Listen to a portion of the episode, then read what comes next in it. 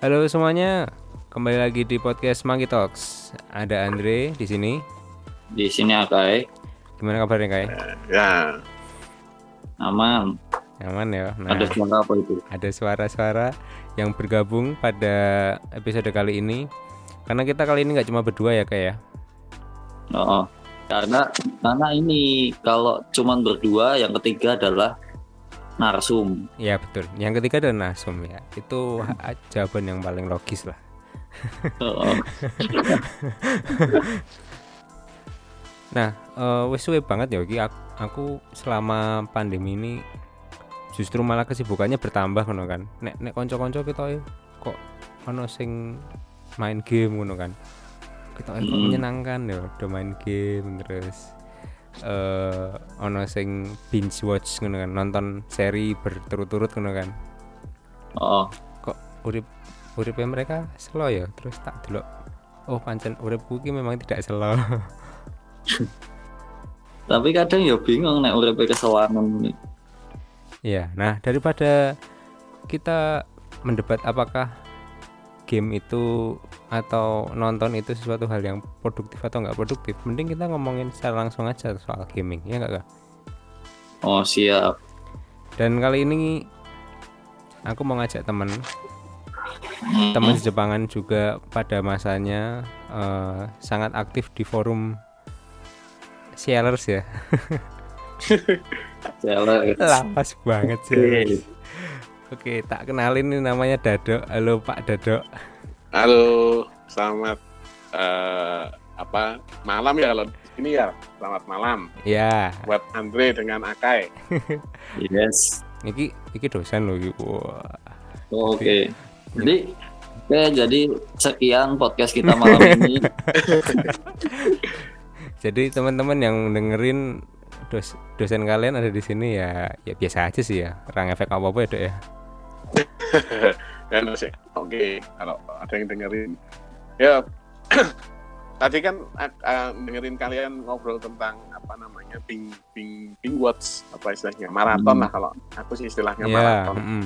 kadang ya kan kalau pandemi ini kadang orang ngisi waktu uh, nonton maraton nah itu sebenarnya sama aja gitu Uh, beberapa orang juga ngisinya ma make main game cuman pada sadar nggak coba uh, awal pandemi itu tahu-tahu harga PS4 itu sama harga Switch itu tahu-tahu naik bisa dua kali lipat mungkin lebih Switch itu malah hampir tiga kali lipat naiknya Bener banget, bener banget. Apalagi Nintendo Switch itu salah satu triggernya itu Animal Crossing, inget nggak? Iya, waktu itu ada Animal Crossing itu juga harganya Animal Crossing nggak main-main ya waktu itu sampai 2 juta apa dua setengah juta yang dua. Padahal saya beli 600 ribu tak jual satu setengah laku. Cuan. Second lagi. Ah, cuan.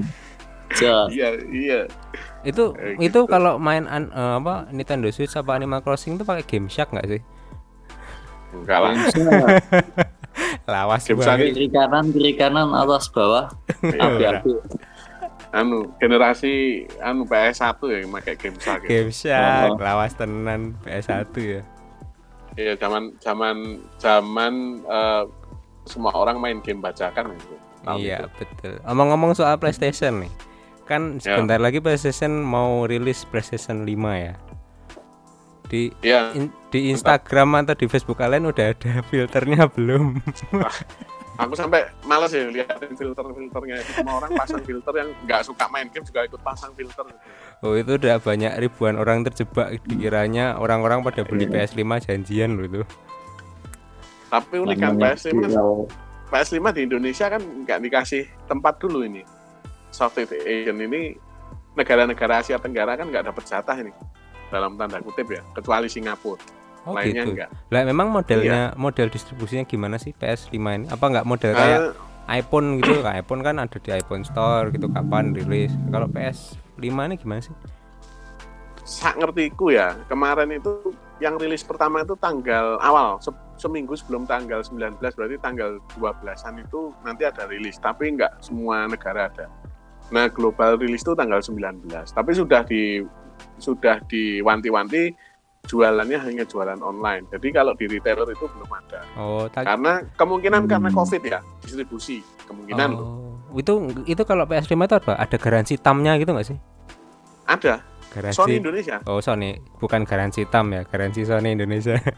garansi Asli, tam itu kayak. BlackBerry. Sini oke shop. Oke, tapi Tapi ada yang BM-nya loh. Nanti kalau minggu-minggu pertama rilis nanti kemarin temen itu ada yang beli 14 setengah juta apa ya? wah, Oh, iya, oh. Iya, pesan itu nanti dari Singapura yang bawain. wah itu nanti emailnya tembus nggak itu? Oh. Kayak HP weh. Oh, Eh, tapi- PS itu pakai email nggak sih? Eh, eh, kalau email kita SIM card ya, Iya. kita enggak. Itu Tapi HP. MAC address, MAC address ada MAC address. Oh iya. Untungnya Mereka kita belum ada regulasi yang mengatur MAC address ya.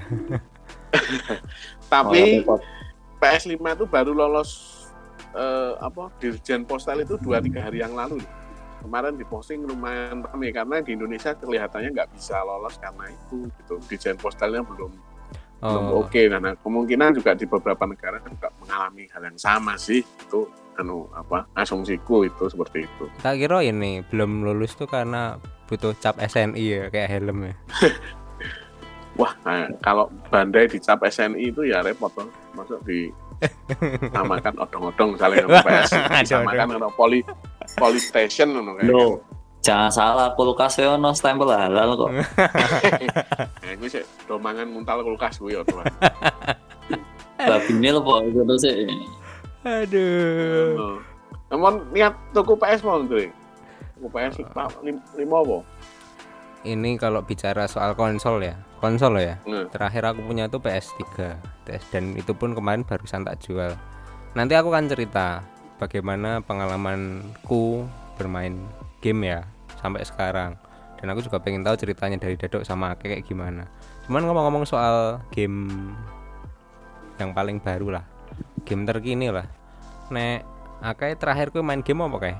Wah, aku sih banget kalau main game yang yang sampai intens gitu. Aku terakhir main PS2 apa PS3 ya? Zaman ngekos kok masian. Masih ingat nggak gamenya? Gamenya apa ya Metal Gear Solid 3 Oke. apa PS lo PS 2 mungkin nih malahan. PS sing ketelu Snake Eater iki PS loro apa telu ya? Wah lupa ya aku ya. Wah, aku taunya snacknya Nokia ya. Oh enggak enggak. Metal Gear Solid 4 itu baru PS 3. Kita ini 3 masih Apa? PS 2 gitu gitu. Oh iya. Kelima terus PS 4. PS Oh. 5 PS 4. Iya, kita masih PS 2 itu. Akhir-akhir hayatnya PS 2. Game yang sangat gokil sih. Oke, nek nek kue dok, terakhir kue main game apa? Nek kue sih kita aja lagi wae, lagi wae main. Nah, setengah jam yang lalu juga baru main game aku. Iya, aku kalau fokus, fokus main itu eh, apa? Kita kan punya preferensi ya pasti ya teman-teman. Iya, Nggak- iya. Karena Andre punya seneng RPG atau si Akai tadi seneng model style action. Nek, nek aku pribadi seneng eh, sepak bola nomor satu ya sepak bola. Paling FIFA atau PS itu. Nah, ojo ditakoni, wah gue anak FIFA apa anak PS? Gak usah lah ya, tapi PS. itu. Jelas anak FIFA soalnya aku. Lagunya Hmm. bagus-bagus yang baru ada lagunya Dua Lipa juga yang baru. Oh, itu bukan Nah, eh, bukan FIFA yang moddingan Garut itu kan? oh, ki, anu FIFA Lotion. Ah, apa ya? Iya, itu. Banget. Nah, nah, FIFA News. Nah, tapi nek eh, yang model-model tadi kayak si Akai apa kayak eh, action-action tadi ya Ghost of Tsushima terakhir yang aku Wah, main. Wah, Ghost, itu keren Ghost of itu. Tsushima itu boleh cerita nggak? Aku tuh cuma mendengar gaungnya ya, soalnya kan aku Wah, nggak itu- main PS4. Kui piye to kui kok iso wong do heboh ki apa to sing marake heboh ki? Iya, Tapi keren banget tuh game gue. iya, Aku sih. Hah? Tamat nontonnya. Eh, tamat di YouTube, ditonton YouTube nih. Nah, Bisa kok, tapi banyak, tapi banyak yang nonton YouTube juga gitu.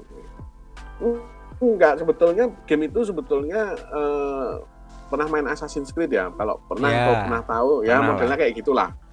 Modelnya Mhm. kayak Assassin's Creed itu. Cuman ini banyak orang suka karena ini feodal, eh, apa Japan feodal itu. Jadi Iya. mungkin jiwa-jiwa wibunya pada bergejolak semua itu. Oh, Wah, ini gitu. bagus banget. Ninja. Nah, Ninja. oh, isinya kayak gitu, ninja, terus Ninja, apa, samurai. samurai, terus ada ronin itu apa samurai, samurai yang samurai yang salah arah itu loh, yang kehilangan arah, Oh. apa ronin dan sebagainya. Itu menarik lah gitu menurut saya. Tapi karena settingnya ya, mungkin karena settingnya. Terus ini yang paling penting di game itu sebetulnya foto mode-nya. Kalau lu fotografer seneng banget, asli. Sinematik ya apa sih jenis gambarnya Oh, gila. Bagus banget. Jadi itu ada istilah foto in game photo mode. Itu yang bagus itu se- sejauh yang aku tahu ya, in game photo mode itu ada eh, beberapa game, salah dua di antaranya itu Spider-Man sama ini. Spider-Man yang PS4 ya sama eh, Ghost of Tsushima ini bagus banget itu. Kalau mau nambahi ya ada lagi eh, Horizon Zero Dawn. Tapi yang Spider-Man ini bagusnya karena dia mau potret Manhattan Oh, Bagus detail ya, banget. detail gitu ya. detail. Jadi di situ detail bahkan ada Avengers Tower segala kalau itu persis persis yang di Avengers itu. Jadi bagus banget. Terus yang Ghost of Tsushima ini alamnya gila-gilaan lah. Kamu bisa Ya, cek iya. tuh di googling aja nih, googling atau YouTube foto mode eh, itu. Nah, itu banyak tuh ada beberapa teman-teman fotografer yang main itu foto mode nggak sibuk main gamenya, jadi sibuk menjelajahi pulaunya itu, Pulau Oke. Tsushima itu. Jadi ada Iya, banget ad- memang. ada lompatan teknologi lah kita bisa bilang gitu ya lompatan teknologi dari gaming yang bikin orang itu kesengsem sampai Iya. sampai sing terkesima lah istilahnya ngono kan Ya, takjub lah sebetulnya nah aku menyebutnya gini Andre lebih lebih bukan lompatan teknologinya saja tapi lebih ke lompatan experience lo pengalaman oh bermainnya iya itu iya iya iya iya. jadi orang wah aku nggak pengen main gamenya cuman pengen aku nggak pengen namatin cuman pengen foto-foto bayangin aja gitu dan itu banyak Hmm. yang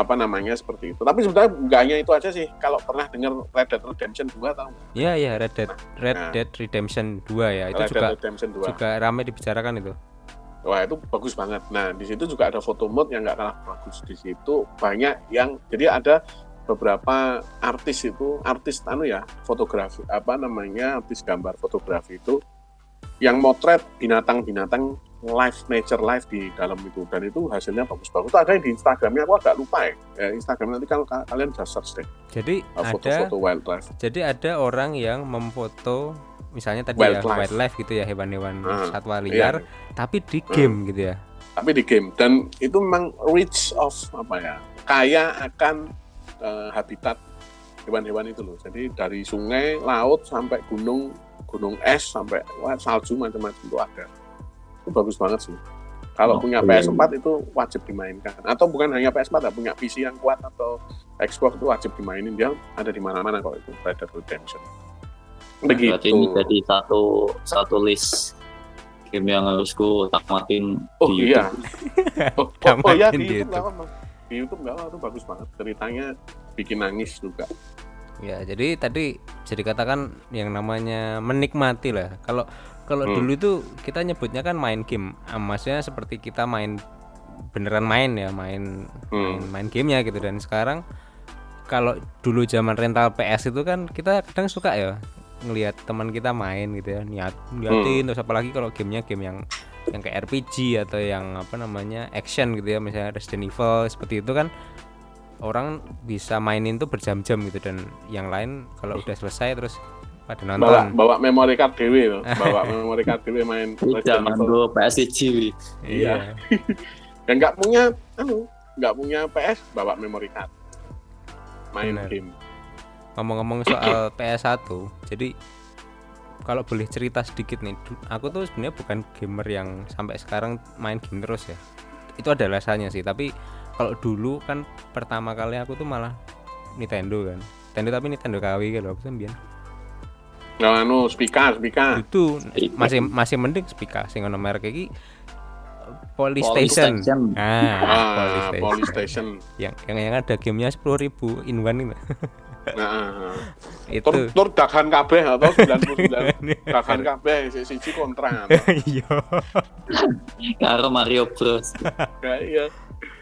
terus terus dari situ ya orang tuaku nggak ngasih lah nggak ngasih konsol misalnya PS1 gitu aku menikmatinya di rental PS terus PS2 yo dolan yang omahe konco melu dolanan ngono kan jadi secara intensitas gaming tuh enggak tapi kalau di PC sempet sing jenenge kecanduan Counter Strike sama Age of Empire tuh bener-bener yang ngajak teman tuh hampir setiap hari gitu kan Iya, iya. Katanya semua orang kalau gamer-gamer zaman itu mesti kecanduan dua game itu ya. Iya. Edgem karo CS. CS ya. Nah, terus Hmm. beralih dari PC ke konsol. Di konsol itu aku nggak nggak ngalamin PS2 seperti kayak aku beli itu enggak dan ketika pas ada duit aku beli PS3 gitu kan. Pengennya bawa ya karena udah lama banget nggak main konsol kan. Dan selama itu juga aku nggak main on apa game HP ya eh, mobile mobile game gitu kan aku nggak main nah di PS3 itu game pertama yang tak tamatin The Last, The Last of Us dan itu lemes tau eh dan apik banget iki Loh. game ini Nah itu Ngeri, itu game loh, itu game terbaik versiku loh, Dri, jangan salah, Dri. itu Mau lawan game apa pun itu menurutku paling bagus game itu. versi terbaikmu dari segi apa? Nah, anu di zamannya itu dia revolusioner di gambarnya, di storynya. Cok mau ceritanya kan bagus banget ya. Storytellingnya bagus, gambarnya bagus, gameplaynya juga inovatif. Waktu itu eh, dia mengadaptasi kayak gaya-gaya Resident Evil gitu, tapi bener-bener beda. Anu taste-nya itu beda banget gitu. Jadi eh, ketika main ini, ini nggak bisa disamain dengan Resident Evil. Apalagi ceritanya, terus bangun karakternya. Wah itu aku kasih nilai 10 lah itu aku belum pernah anu ya belum pernah main game se seseneng itu lagi gitu loh setelah itu. Se semeriah itu lagi itu belum pernah sampai Iya. sekarang. Eh, sedikit banyak hampir sama ya yang aku rasain ya. Ini kalau kita bicara soal game kan. The Last of Us itu waktu aku main punya PS3 yogi memang aku belinya yang refurbish terus apa game saya ngopi lah bukan bukan main jalur resmi lah. Nggak beli Hmm. game segala macam bener-bener cari yang jalur paling murah. Nah terus ngelihat ngelihat review review game terus eh, setelah ngelis ngelis tadi kan terus ada The Last of Us. Waktu itu aku nggak ada. Kan ini aku telat ya maksudnya itu udah PS3 udah tahun berapa The Last of Us 2000 2013 apa ya? 2014 ya? Iya. Sekitar Last of Us 2013 Oke, 2013 aku beli PS3 itu 2018.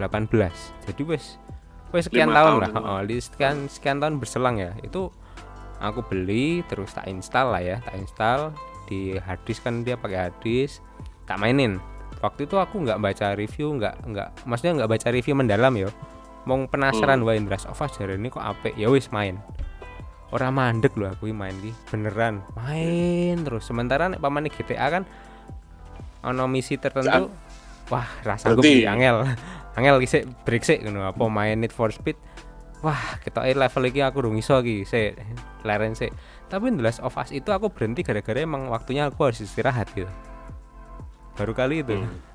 dan dan Iya. aku kesannya juga sama. Ini sebetulnya game atau film sih? Aku kayak main di film gitu loh. Feel feel filmnya itu kerasa banget.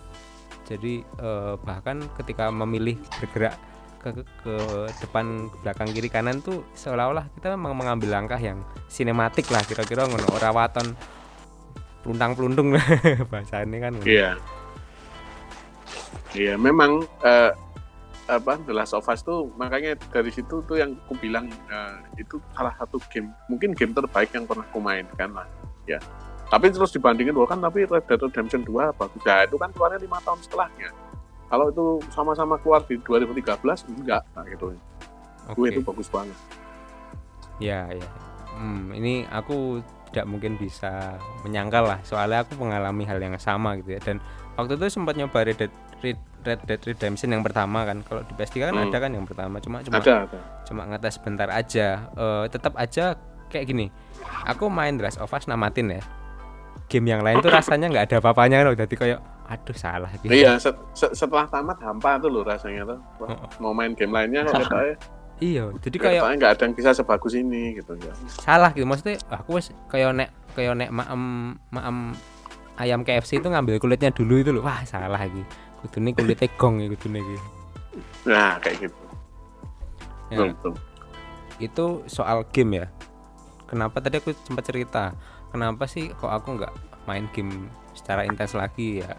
Salah satu yang aku nggak terlalu setuju itu adalah bisnis model game zaman sekarang ya ini eh, soal sudut pandang ya kalau aku bilang tapi eh, aku melihat ini cukup apa namanya sustainable ya bisa menghidupi industri game tapi aku sendiri tidak setuju yaitu in-app microtransaction ya microtransaction atau Ya. apa in app purchase ya, kalau bahasa betul, sekarang betul. tuh.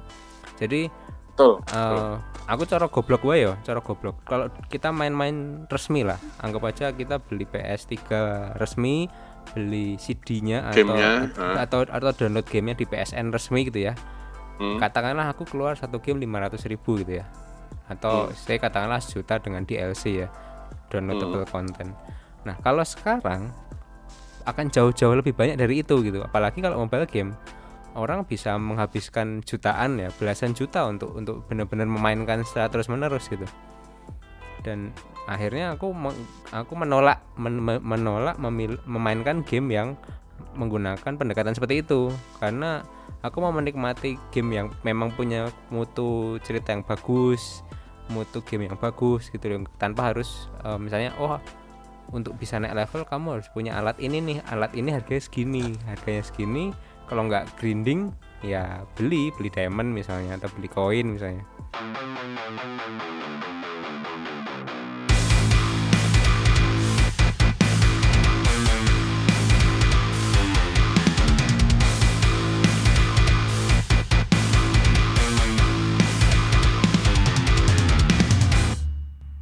Nah, tak sambung deh masalah itu deh. Jadi sebetulnya itu aku pernah riset ini di tahun 2018 ya. Wis, Jadi mantep.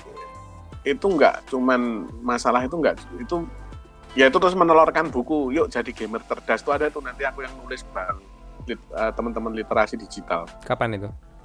2018 oh itu udah jadi buku itu waktu itu? Ada bu- bukunya bukunya buku ini buku buku pedoman itu nanti yang nulis bareng-bareng sama teman-teman. Oh, oke.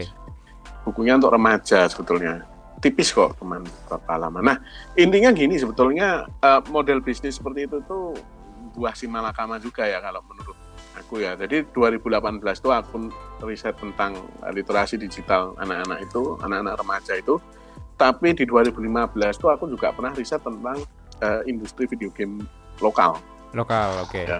lokal. Jadi yang aku wawancara itu ada ada digital happiness sama eh aduh Agate Agate. oh agate gede Ya. loh agate ini Ya. Oh gede gede Agate. Nah sebetulnya 2020 ini aku mau wawancara sama yang bikin Coffee Talk itu di Nintendo Switch sama eh, PS sama Xbox dan kawan-kawan. Jadi ada Toge, to, oh eh, iya Toki Toge Production. Toki Production ya ya tak batalin karena itu Juni dan Juni kan parah-parahnya COVID nggak ada apa-apa lah gitu jadi eh jadi gini yang kamu khawatirkan tentang model bisnis itu tadi aku bilang itu buah semalakama di satu sisi itu good for the developer tapi kalau di satu sisi itu sangat jahat sekali untuk konsumen. Nah, jadi memang benar deh eh, eh, it- apa namanya model mi- microtransaction itu nanti pilihannya cuma dua. Lu cuma dikasih dua pilihan. Mau grinding ya yang butuh waktu berbulan-bulan Hmm. Ya atau ngeluarin duit duit duit duit duit terus. Dan duitnya itu ngejarnya nggak langsung gede. Memang benar. Jadi kalau kamu tadi beli satu juta sama DLC itu kelihatannya kan satu juta. Tapi coba aja kamu main eh, apalah game-game mobile nggak jelas lah kayak Farmville atau apa gitu. Pertama bikin paku bikin kayu bikin paku tuh cepet. Nanti gilirannya mau bikin rumah itu nunggu waktu dua, dua minggu. Bikin pabrik nunggu waktu satu bulan misalnya gitu. Nah itu kan pilihannya kamu nunggu satu bulan. Atau eh, ngeluarin duit untuk ngilangin itu. Nah itu nanti duitnya murah. 50 ribu 30 ribu 5 ribuan gitu kan. Beli diamond beli macam-macam gitu. tapi nanti habismu banyak banget gitu. dan itu memang model bisnisnya memang eh, sekarang seperti itu. Nah itu sebetulnya hampir semua game mobile seperti itu. Kalau menurut penelitianku sih eh, karena itu yang paling bisa menghidupi secara kontinu gitu. Apalagi kalau Iya. game mobile terus dijual mahal kan nggak mungkin tuh. Game mobile yang dijual mahal itu pun game-gamenya nggak mahal-mahal banget dan itu game lama. Misalnya kamu sekarang search di Apple Shop atau di Android Play Store eh, Final Fantasy atau Grand Iya. Theft Auto, nah Grand Theft Hmm. Auto 3 atau Final Fantasy 7 misalnya. Nanti harganya 149.000 Ya padahal tuh posisinya game lama loh, jadi game yang udah 20 tahun lebih, Iya, 23 iya, benar. ya kan. bener dan mereka sudah cukup milking dari ini milkingnya aja mereka sudah cukup untung dari selama ini mereka jualan di beragam platform itu. Belum nanti di Switch ada di tadi ya di Android ada belum PS juga ada PS nanti juga ada di Vita ada di mana dan itu bisa-bisa gitu. Nah untuk develop game dev yang baru akan berat seperti itu. Gimana mereka mau kasih harga 150 ribu misalnya atau game 200 baru ribu? ya. Ah untuk game baru yang gamenya ya kamu mau nggak sih beli game kicik-kicik gitu 200 ribu gitu.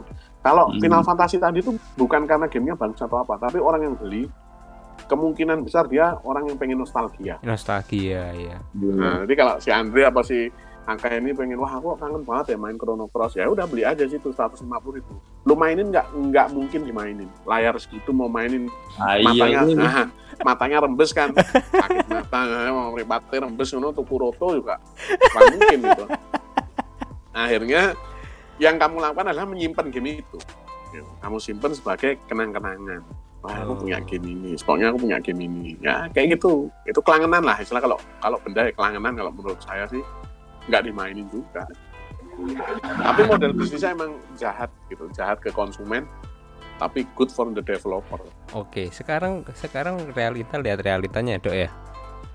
Microtransaction ini somehow malah mendatangkan magnet yang sedemikian kuat ke ke apa namanya pengguna lah gamer satu. Betul. Yang kedua adalah retentionnya orang bisa main itu terus terusan. Orang tahu loh pada orang aware bahwa eh, pilihannya apa toh? Gacha, gacha, grinding atau ya wes jajan.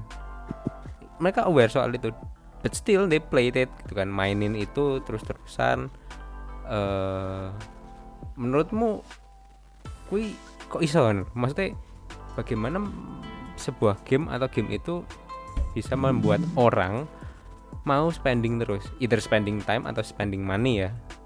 Ya, ya itu sebetulnya eh, pertanyaanmu ini kalau kamu udah nonton The Social Dilemma itu, udah nonton ya ya. Social Dilemma aku udah nonton Ya, logikanya sama, sama Social Dilemma itu. Bedanya Social Dilemma itu eh, lu iklan, engagementnya diatur sedemikian rupa supaya kamu tetap mantengin Instagram, Facebook, eh, path dan sebagainya itu. Sedangkan kalau di dalam atau Twitter itu, nah kalau di game ini supaya kamu tetap stay on game itu, diberi gratis, kayak tarik ulur, tarik ulur, tarik ulur. Jadi oh orang seneng. iya tarik ulur ya Sama, Hmm. Ya, logikanya tuh sama. Nggak ada orang mau eh, ngasih game gratis. Lalu eh, masalah eh, game-game kayak yang banyak dimainkan itu, yang eh, buka-buka kartu gacha-gacha itu, ya kan? Hmm. Nah, kenapa orang mau spending banyak banget? Oh, jangan salah. Judi itu bagian paling menyenang, salah satu bagi salah satu dari empat bagian paling menyenangkan dalam main game, yaitu Iya. judi itu, berjudi gitu. Kenapa kamu orang seneng banget gambling? Karena ket- dikira wah judi haram loh, kalau ket- terus main set bola yang jatuh-jatuh dari langit-langit alat itu terus masuk ke dapat tiket berapa itu judi. Itu termasuk bagian dari eh, kalau dalam Nah ini kalau te- teorinya Kai Lois ya, Roger Kai Lois tahun 60 itu dia menggolongkan itu sebagai eh, ale-alea judi. Orang seneng kenikmatan ketika kamu tuh dapat sesuatu dari itu, terus kamu ngulangi terus. Itu satu. Hmm. Terus tadi logika engagement tadi, jadi diatur gimana tarik ulur, tarik ulur, terus supaya kamu tuh tetap stay on game.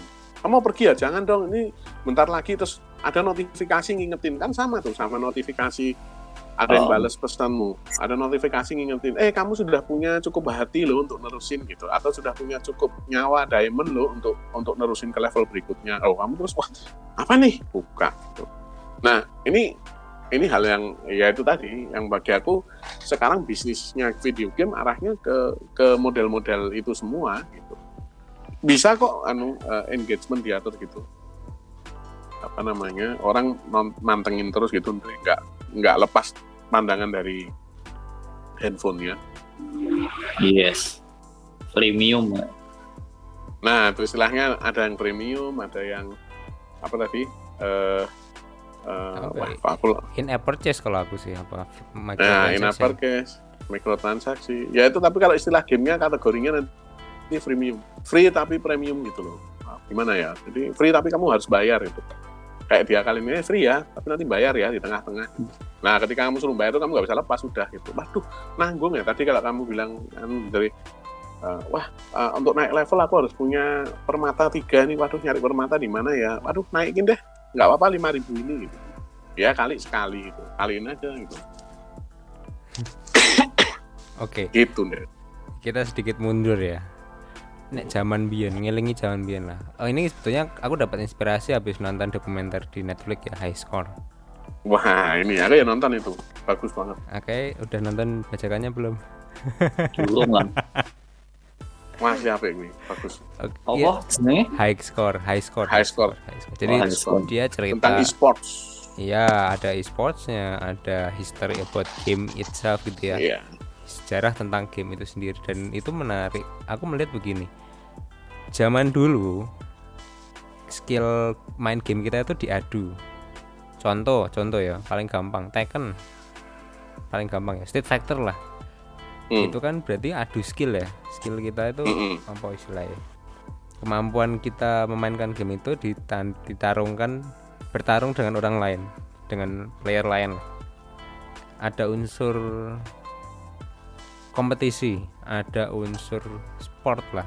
Makanya sekarang kemudian kan e-sport ini saat jano tarik ulur ya dok ya. Aku sempat ngobrol juga sih sama teman-teman gaming eh, e-sport itu masih tarik ulur dalam arti mau dibilang sport tapi eh, unsur fisikalnya kurang atau misalnya unsur sportnya itu nggak terlalu banyak tapi nyatanya eh, ada unsur kompetisinya juga gitu ya Hmm. tarik Iya. ulur. Tapi poinnya begini. Yang aku dapat impresi yang aku dapat ketika game-game awal itu dibuat itu membangun semangat sportivitas dalam arti gini kita berusaha berkompetisi dengan orang lain dengan player lain untuk dapat diakui kita sebagai eh, pemain terbaik lah paman ngono akui jagoan jagoan main Street Fighter Eh, dia jago main Tekken misalnya gitu ya Hmm.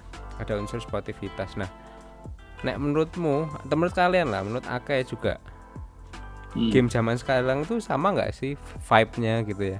Dengan yang kayak zaman dulu di mana dulu kita ada unsur sportivitas itu yuk menang-menang kalah-kalah selesai. Atau sekarang semuanya tuh ditentukan oleh duit pamannya tadi kan premium kan? Iya eh, untuk menjadi posisi teratas tuh sama aja kayak top spender gitu. Kamu udah buang duit 100 juta ya kamu akan jadi top spender kamu nggak ditentukan dari skillmu atau nek menurutmu piye kayak pengalamanmu piye? Nek main game zaman saiki lah. Aku nggak ngerti ya naik karakternya gitu. Ya naik caca saiki mereka lebih ke emosional mungkin ya. Frontal gitu. Nah zaman dulu mungkin karena zaman sekarang lebih ke ini ya online ya. Oke ya online kan sebenarnya platform ya atau mungkin gini lah orang yang cheating. Mungkin Hmm. aku mungkin nggak banyak yang tahu tapi aku sempat dengar beberapa waktu yang lalu tuh tapi ini sebenarnya common ya. Orang berusaha mencari celah loophole atau kelemahan dalam sebuah sistem. Begitu juga Hmm. game ya kan? Apalagi sekarang gamenya online. Sama sama aja sama kayak kamu eh, lihat website terus iki website iki ana celah celah deh. Aku iso bobol pemain ngono kan? Ya itu kan sebenarnya hacker ya nah kalau yang di game kan mereka nyari kelemahan terus kemudian dieksploit kan makanya ada namanya bug debug gitu kan. Mhm. proses itu ada yang berusaha mengakali dalam arti mumpung belum ketahuan developernya di exploit gitu. Misalnya me- punya super power atau punya apa naik infinite coin atau apa pun lah. Kalau zaman dulu inget kan kita main Nah, main apa namanya kontra nyawa 99 misalnya gitu. Iya itu satu. Oh. Yang kedua Age of Empire ya, itu ngetok kayak Shelby Cobra. Heeh. Ya, Andre, Kayak sini. menurutku anu, Andre, eh, ada dua hal yang bisa kita lihat ya. Pertama adalah platform dari game tadi antara online dan offline itu memberikan karakteristik yang menurutku sangat jauh sangat berbeda. Yang Hmm. pertama dulu kalau kita tadi kamu melihat eh, Netflix tadi high score itu terus ditandingkan ada tiga game ya waktu itu ditandingkan Super Mario eh, aku lupa yang dua itu apa tapi eh, apa-apa gitu. Terus eh, mereka berusaha nyari loophole di situ kan. Ya kayak Sonic itu juga dicari loophole gimana caranya dapat. Nah sebetulnya eh, eh, itu bagian ya bagian dari kompetisi. Sebetulnya mau di olahraga apa pun ada gitu. Nah eh, apa namanya tapi kalau sekarang online kebanyakan eh, plat- dengan platform online ini orang berada di rumah. Jadi tadi kata si eh, apa kata si Akai tadi eh, orang jadi agresif gitu ya. Karena mereka agresif ngata-ngatain atau jadi tukang marah gitu. Karena mereka nggak berhadapan langsung dengan orang lain. Cuma berhadapan langsung dengan orang lain mungkin dari pukul gitu. Bocil aku udah kalah ya. mental. Nah mungkin udah kalah mental dulu ya. Kayak sama kan main FIFA gitu misalnya terus ngata-ngatain orang gitu. Coba aja dia main sepak bola sama orang itu di lapangan terus ngata-ngatain orang itu paling nggak tendang itu kepalanya nah sudah sama gitu. Eh, eh, bagian dari sportivitas ada Eh, tetap ada. Di dunia online ini malah justru menurut saya loh menurutku itu malah justru eh, e-sport itu malah tambah gila gitu. Jadi eh, dulu kan cuman istilahnya cuman pertandingan game ya. Atau ya kan pertandingan game. Dan orang ini nggak dilatih. Loh kalau sekarang nggak. Jadi kalau tarik ulur masalah e-sport tadi bisa jadi olahraga? Enggak kalau saya bilang itu olahraga. Itu sama kayak kamu main catur. Catur itu Hmm. juga cabang olahraga. Ya Perbeda- bridge juga. Ah, bridge juga. Perbedaannya adalah ngatur strategi. Nah koordinasi koordinasi dengan teman-teman satu timmu dan sebagainya. Sebetulnya sama aja gitu ya tetapi itu tadi kalau di dunia modern eh, dunia digital ini orang relatif eh, tadi pemain-pemain tadi malah justru banyak meninggalkan model-model game fighting itu mereka larinya ke model-model game-game kompetitif yang pakai rank tadi saya cerita sebelum masuk ini cerita tentang anakku itu tadi masuk ke Battle Royale, Apex Legends dan Apex sebagainya. Legend Nah itu anu apa namanya s- mainnya ngereng terus di situ. Nah jiwa kompetisinya justru lebih banyak sekarang kalau saya bilang. Hmm, karena anak-anak kecil, ya anak-anak kecil pun tadi itu main Mobile Legend main ini gitu ya. Walaupun terus tadi kata Aka itu juga banyak misuh-misuh misalnya gitu banyak marah-marah gitu. Ya itu efek sampingnya lah gitu. Kita pikirkan ya, itu itu bagian dari sisi satunya. Tetapi kalau kita lihat jiwa kompetisinya tinggi gitu. Orang yang mainnya single player itu ada dua macam. Memang benar menikmati atau mereka nggak mampu ber- merasa nggak mampu berkompetisi dalam bidang yang lain gitu. Karena toh e, misalnya dia suka banget balapan tapi nggak mau main balapan online. Kenapa? Takut kalah. Ya karena kalah tuh karena rasanya kadang nggak enak nggak semua orang bisa Ya. nerima nerima kalah kan deh gitu. Itu gitu. itu satu alasan kenapa aku nggak terlalu main game sekarang karena pertama game online itu kan memaksa kita bikin grup toh clan iya iya atau guild lah kalau zaman Ragnarok dulu Iya. kan guild Guild. Nah, problemnya adalah kadang kita untuk membangun guild tuh sekarang lebih susah ya. Kalau dulu kayaknya orang masih kita masih punya prasangka baik gitu ya. Oh ini bisa jadi teman satu guild. Sekarang kan yang kenal pun bisa backstabbingan gitu ya. Apa nusuk Iya. dari belakang apalagi yang nggak kenal ya. Babai gitu Iya. ya, main satu clan terus disikut kan selesai. Ya. Itu dan aku cukup me- mengamini lah kata kata Dado ini gak semua sih nggak semua orang itu menikmati game dengan cara yang sama aku lain dulu ngono ya jadi Iya. Hmm. jadi iya nggak ada yang memaksa orang semua orang harus main CS ya umpamanya daerah iso berkompetisi seperti itu kan CS itu kan ini ya. Umpamanya kita konteksnya CS ya. Iya. Counter Strike itu kan first person shooter kan tembak-tembakan lah tembak-tembakan itu kan sangat cepat apalagi kalau ingat zaman dulu itu kalau di game center itu kan pada modingnya yang apa gerakan tangannya kayak wong Parkinson loh teng teng teng teng teng teng teng teng itu kan kalau Kayak tremor. kayak tremor gitu kan. Nah kalau Nah, kalau kita sebagai penonton orang yang main itu aku aja pusing loh karena sedemikian cepatnya mereka ganti senjata kan switching switching Iya. switching switching. Dan apa ya sebagian orang yang lain mungkin memilih game yang temponya lebih lambat you know, atau misalnya dia ngambil FM FM uh, football manager ya oke. Ah, main Iya. football manager iya oke itu Lambat, satu. Bang. itu kan simulasi kan. Nah maksudnya kalau misalnya FPS dia ngambil first person shooter mungkin dia ngambil yang lebih sisi adventure. Sama-sama menantang misalnya kayak Medal of Honor misalnya. Ya dia ya kayak main single player. Iya misalnya main campaign kan paling enggak dia bisa Ya. ngatur temponya kan ya wis aku tak santai sih ambegan sih maju meneh Hmm. lah nek pamane kompetisi kan ra iso kowe meneng ya ditembak mati sih. pengalaman pengalaman banyak sebetulnya eh, apa namanya main apa namanya main game eh, kompetisi gitu ya. Jadi malah perasaan sekarang hampir semua game yang keluar kompetisi ya.